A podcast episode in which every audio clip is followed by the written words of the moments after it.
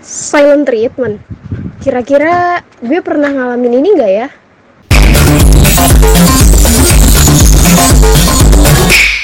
Yeay, jumpa lagi di Progress Podcast.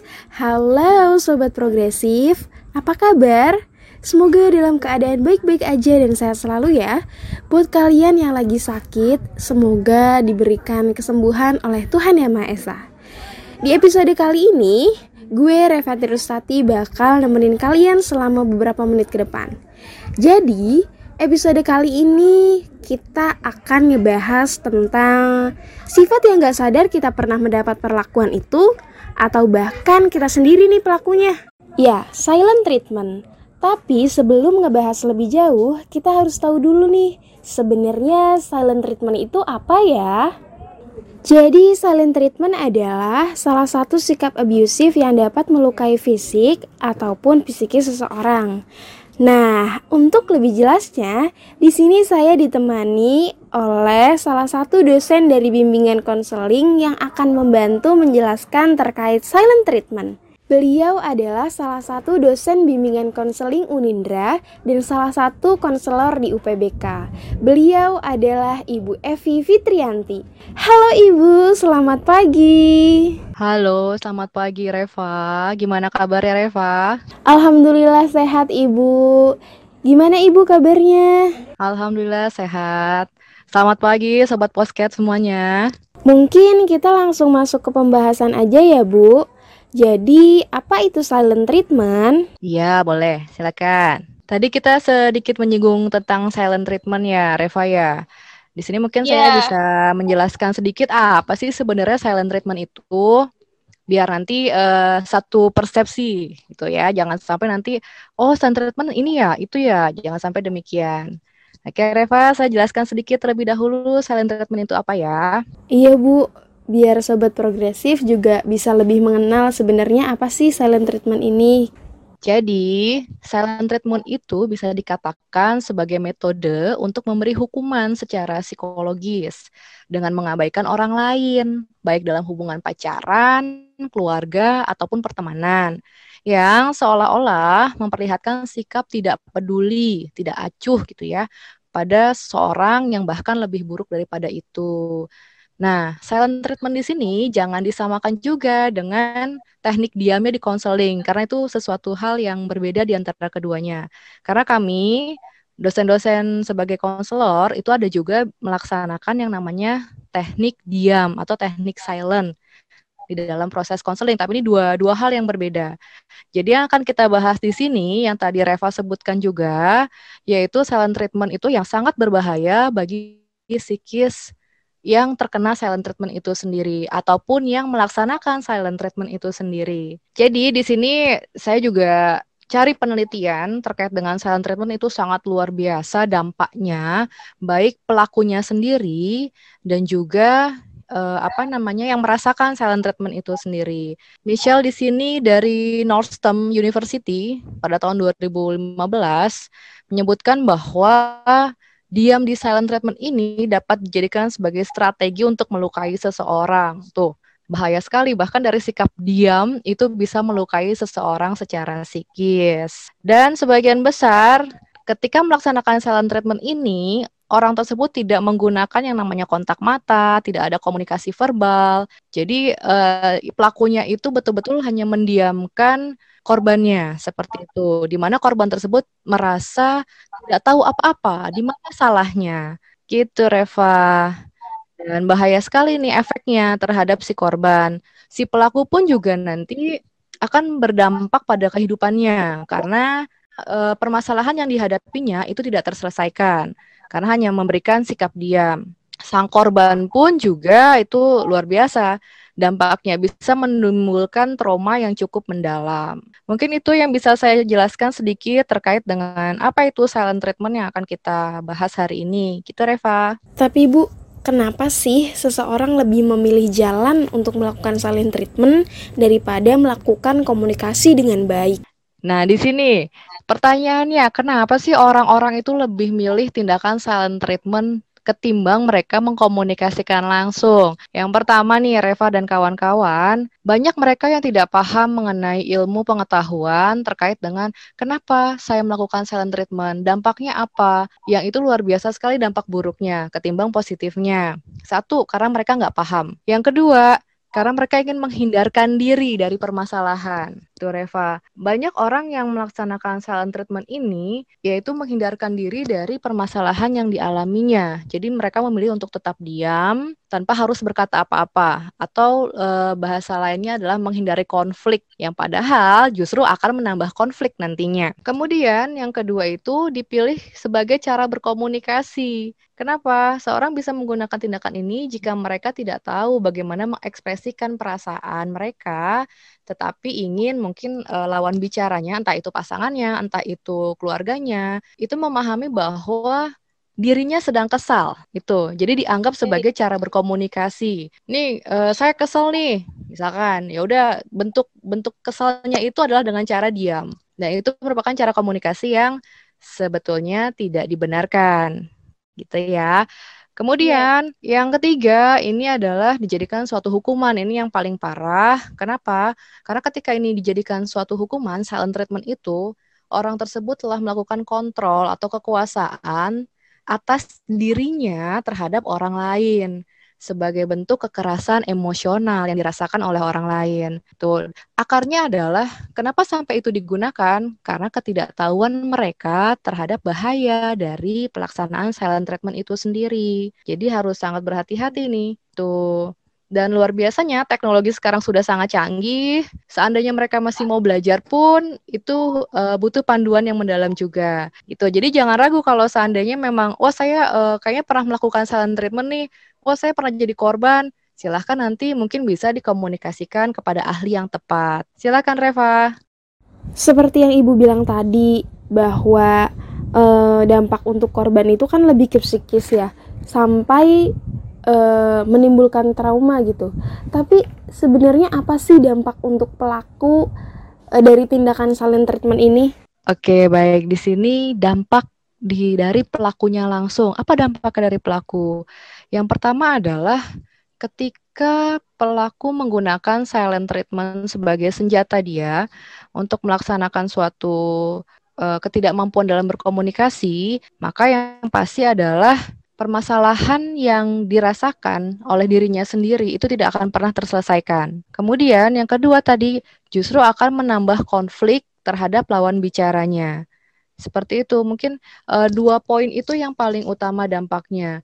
Dan yang pasti kalau memang itu sudah menjadi suatu sikap, suatu attitude, menjadi suatu kebiasaan, itu justru akan banyak melukai orang lain itu terutama lawan bicaranya, entah itu pacarnya atau kekasihnya, entah itu keluarganya sendiri, atau mungkin hubungan dalam uh, pernikahan suami dan istri seperti itu. Jadi akan menjadi sesuatu yang berbahaya ketika ia berkomunikasi dengan orang lain dan itu akan dijadikan suatu senjata di dalam melaksanakan komunikasi dan itu sangat berbahaya sekali. Makanya kalau ada apa namanya kita memahami kok orang itu melaksanakan silent treatment, kita pun harus mampu mengkomunikasikannya sebagai lawan bicaranya. Kalau kita merasa sudah uh, secara emosional terkukung, kalau bahasa saya itu tidak bisa apa-apa, berarti kita sudah menjadi korban kekerasan dalam silent treatment. Ternyata emang dampaknya bahaya banget ya, apalagi buat si korban uh, yang bisa menimbulkan trauma tersendiri dari tindakan silent treatment ini. Betul sekali Reva. Ini efeknya sangat luar biasa ya, baik uh, untuk pelaku maupun untuk korban. Ini korban lebih luar biasa lagi. Ini biasa ini silent treatment akan mempengaruhi lapisan otak. Ini di kedokteran itu sampai ada penelitian demikian yang berfungsi untuk mendeteksi rasa sakit tuh. Jadi menimbulkan rasa tidak nyaman, sakit kepala, insomnia, bahkan gangguan kecemasan dan kelelahan. Yang parahnya lagi nanti adanya gangguan mental terhadap si korban. Baik Bu, di sini juga kita sudah terhubung dengan salah satu pencerita dari link yang sudah dibagikan oleh tim progres sebelumnya. Dan ceritanya sudah terpilih juga. Langsung aja di sini kita menginisialkan dengan nama Kak Billy. Perempuan berumur 19 tahun, anak kedua dari tiga bersaudara dan dari suku Jawa. Halo Kak Billy. Iya, halo. Apa kabar? Alhamdulillah baik. Oke, alhamdulillah baik ya.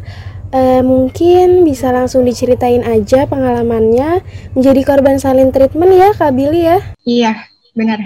Iya, jadi uh, waktu itu saya tuh sebagai korban silent treatment dari pasangan saya sendiri ya kak. Uh, pada saat itu ketika mungkin menurut beliau saya melakukan kesalahan, tapi saya sendiri tuh nggak tahu salah saya itu apa ya kak. Jadi sering gitu loh saya nerima silent treatment yang berujung jadi berantem, jadi salah paham segala macam. Dan menurut saya uh, silent abusive banget ya kak. Karena kalau misalnya memang saya salah atau ada masalah alangkah lebih baiknya kan dibicarakan ya kak. Saya juga nerima silent treatment itu dari pasangan dari teman bahkan dari orang tua juga pernah.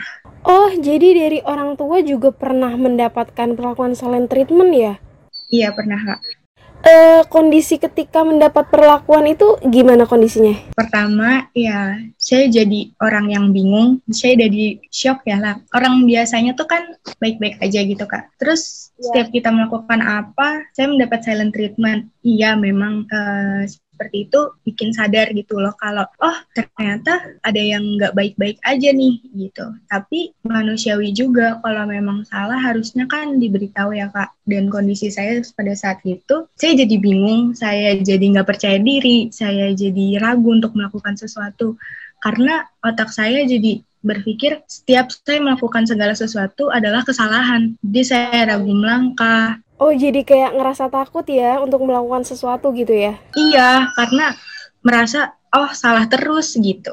Uh, walaupun pada saat itu ngerasa takut nih, tapi ngerasa nggak sih kayak wah saya harus ngelakuin uh, sesuatu nih gitu, kayak ada kesadaran dari diri sendiri gitu buat ngelakuin sesuatu. Kira-kira apa sih yang dilakuin?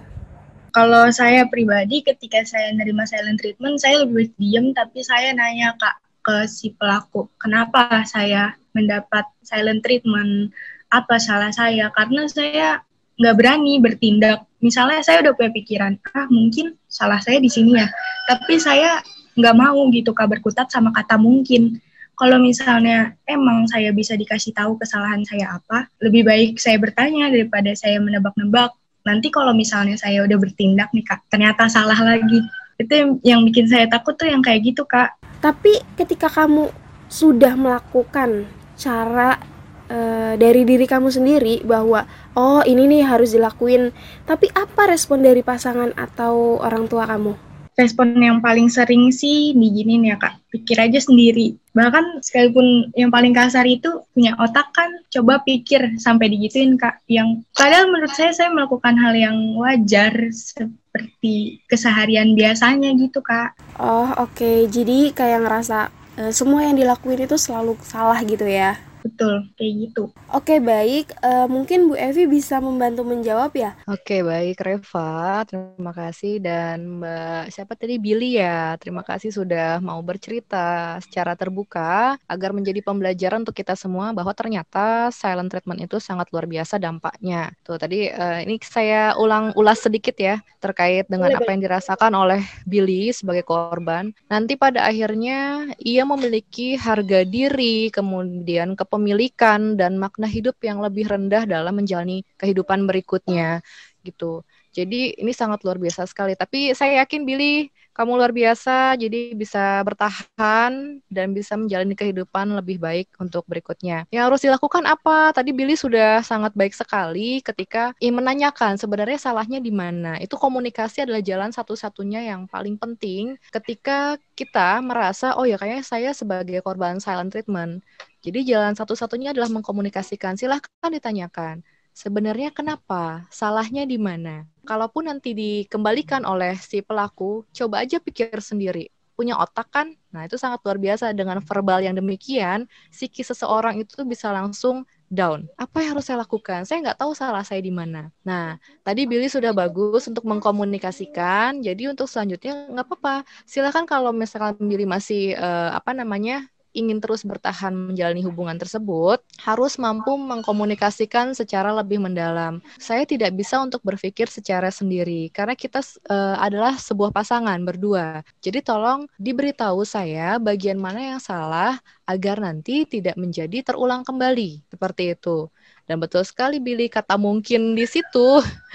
Ini kenapa ya? Kemungkinan seperti apa ya? Kita tidak bisa menebak-nebak karena apa yang difikirkan oleh orang lain belum tentu sama dengan apa yang kita pikirkan. Betul. Gitu. Jadi betul-betul harus iya. kita komunikasikan secara mendalam dengan pasangan kita apa sih sesungguhnya yang ia inginkan dari saya sehingga saya bisa melaksanakannya dengan baik apa sih sesungguhnya yang menurut dia saya melakukan kesalahan sehingga saya tahu salah saya dan tidak mengulanginya kembali gitu. Jadi komunikasi secara mendalam itu adalah jalan satu-satunya untuk menyelesaikan silent treatment ini. Gitu ya Reva dan Billy. Tapi saya yakin kamu wanita hebat, kamu pasti bisa melaksanakan ini dengan sebaik mungkin. Oke, semangat Billy ya. Uh, tapi Bu, gimana sih e, cara untuk menyadarkan si pelaku bahwa silent treatment ini bahaya gitu dampaknya Ya, betul sekali karena memang dampaknya sangat berbahaya sekali. Mau tidak mau pelakunya harus disadarkan. Karena kalau tidak disadarkan, nanti dia bisa melukai orang lain terus-menerus. Itu bahaya sekali. Sekarang bagaimana cara menyadarkan pelakunya itu sendiri? Tadi saya katakan e, kalau korban itu mengkomunikasikannya. Sama, kita pun kalau mau menyadarkan pelakunya langsung, harus dengan mengkomunikasikan dari orang-orang yang terdekat. Kita tidak tahu apakah orang tersebut melakukan silent treatment kalau bukan dari orang-orang terdekatnya ataupun dari inisiatif si pelakunya sendiri. Jarang ada pelaku yang berinisiatif, wah saya silent treatment nih, saya mau datang ke konselor ah. Itu jarang sekali demikian. Jadi harus dibantu dari lingkungan di sekitarnya untuk menyadarkan si pelakunya sendiri kamu melakukan silent treatment loh kepada saya, kamu tahu nggak dampaknya? Nanti setelah diberitahu apa itu silent treatment, ketika memang itu menjadi suatu kebiasaan yang terus-menerus, bisa nanti dialih tangankan ke konselor ataupun ahli-ahlinya. Seperti psikolog juga bisa. Seperti itu Reva. Jadi memang komunikasi ini perannya penting sekali baik untuk pelaku maupun korban. Uh, berarti cara yang dilakukan ketika uh, diri sendiri sudah menyadari bahwa oh silent treatment ini bahaya, itu bisa melakukan konselor atau memperbaiki komunikasi gitu ya, Bu? Ya, jadi karena memang ini kan uh, terkait dengan ilmu pengetahuan mungkin yang di prodi BK memahami, tapi kan yang di luar itu kan kita tidak tahu siapa pun bisa terkena silent treatment, baik menjadi pelaku ataupun menjadi korban. Jadi yang paling utama di sini adalah ketika diri sendiri menyadari, oh iya, saya melakukan silent treatment, silahkan nanti uh, kalau diri sendiri ya Reva ya. Kalau diri sendiri silahkan nanti dicari tahu silent treatment itu apa ternyata dampaknya sangat berbahaya sekali berarti saya tidak boleh melakukan itu kembali terhadap orang lain nah kalau seandainya uh, korban korban nanti bisa memberitahukan kepada lawan bicara tersebut, lawan bicaranya yang melaksanakan silent treatment kepada dirinya, silahkan diberitahu barangkali kemungkinan bahwa ya. punya itu tidak memahami apa yang dia ungkapkan uh, ke eh, korban tersebut. Cari tahu tentang kata-kata tadi. Gitu. Jadi komunikasi itu sangat penting sekali. Dan nanti bisa datang ke konselor di Unindra ada UPBK, silahkan nanti sekarang masih daring, masih online, bisa sangat sekali membantu terkait dengan permasalahan-permasalahan yang demikian, baik pelaku maupun korbannya. Uh, baik Ibu, terima kasih. Seperti yang sudah dijelaskan Bu Evi tadi bahwa uh, bisa datang ke konselor di Unindra ada UPBK ketika memang merasakan uh, dampak dari silent treatment atau ingin memperbaiki komunikasi agar tidak melakukan silent treatment kembali. Uh, di sini saya akan memberikan kesempatan kepada Kak Billy, barangkali ada yang ingin ditanyakan kepada Bu Evi. Silahkan. Bu, kalau misalnya kita mengalami silent treatment, silent treatment terus uh, wajar nggak sih Bu kalau kita nih merasa uh, saya ini nggak pantas untuk beliau, saya ini bukan orang yang baik, terus jadi orang yang ragu cara mengurangi yang pikiran seperti itu tuh bagaimana gitu Bu, kayak mengembalikan kepercayaan diri lah Bu, karena kan saya merasa oh apa yang saya lakuin ini selalu salah ya apa memang sayanya, apa memang bagaimana gitu Bu maksud saya. Oke, Billy, kamu ini karena memang tadi terkait dengan dampak silent treatment yang sedang kamu rasakan. Jadi gini Billy, sebenarnya setiap manusia itu terlahir ke dunia sudah membawa kebaikan, sudah memiliki potensinya masing-masing. Kalaupun seandainya melakukan kesalahan, tentu sebagai pribadi kita bisa merubah diri kita menjadi lebih baik ketika memahami kesalahan tersebut. Dan saya yakin kamu adalah wanita baik yang mau terus belajar untuk menjadi pribadi yang lebih baik setiap harinya. Dengan cara apa? Yang pertama, ketika kamu menerima kembali silent treatment, Jangan sampai terpuruk di paling dasar. Kenapa? Kamu harus bangkit. Karena kamu adalah orang yang memiliki kompetensi. Seorang wanita yang mampu berhasil dalam kehidupannya. Itu Billy. Jadi omongan-omongan yang membuat atau sikap-sikap perilaku yang membuat kamu menjadi terpuruk, kamu bisa berpikir kembali bahwa saya adalah manusia dan saya harus cari tahu bagian mana yang saya tidak bisa sehingga saya mampu mempelajarinya kalaupun memang itu bukan passion saya, ya udah nggak apa-apa. Tinggal saya mencari tahu di mana cara terbaik untuk saya bisa menunjukkan saya adalah wanita hebat, saya adalah wanita baik, dan saya bisa menjadi pribadi yang lebih baik setiap harinya. Tentunya itu dengan dikomunikasikan terlebih dengan pasangannya. Kalaupun Billy, ini mohon maaf ya, kalau seandainya hubungan itu setiap harinya hanya membuat Billy merasa kecewa, merasa sakit, sakit. Bagaimana itu nanti eh, pada akhirnya Billy sendiri akan memutuskan bahwa ini jalan yang terbaik ini seperti apa? Apakah harus terus bersamanya setelah dikomunikasikan tapi tidak ada perubahan atau tetap terus bertahan? Nah, berarti kalau mau terus bertahan, Billy harus seperti apa? Kalau seandainya mau ada pilihan lain, Billy harus bagaimana? Gitu ya Billy ya. Dan jangan kecewa karena setiap manusia itu punya permasalahannya, tapi saya yakin Billy mampu keluar dari permasalahan ini dengan terus percaya bahwa kamu adalah wanita hebat yang memiliki kemampuan untuk terus berkarya. Kalau seandainya Billy masih ada hal-hal yang secara mendalam, kemudian ada privasi yang tidak boleh tersebarkan untuk diceritakan, bisa datang nanti ke UPNBK atau daftar secara online. Silahkan dipilih konselornya mau berbicara dengan siapa terkait dengan permasalahan yang sedang Billy alami saat ini, terutama dengan silent treatment yang dirasakan. Gitu ya Billy ya. Iya baik Bu, terima kasih. Sama-sama ya. Billy. Uh, baik, terima kasih kepada uh, Ibu dan Billy yang sudah bergabung di Progress Podcast kali ini. Terima kasih atas pengalamannya, penjelasannya, serta uh, solusi atau langkah apa yang harus dilakukan. Lagi-lagi uh, komunikasi memang jalan untuk memperbaiki bahwa uh, silent treatment ini bahaya, nggak bagus dan dampaknya sangat berbahaya untuk pelaku ataupun si korban. Bahkan bisa menyebabkan uh, trauma atau gangguan mental. Uh, seru banget pembahasan kita kali ini.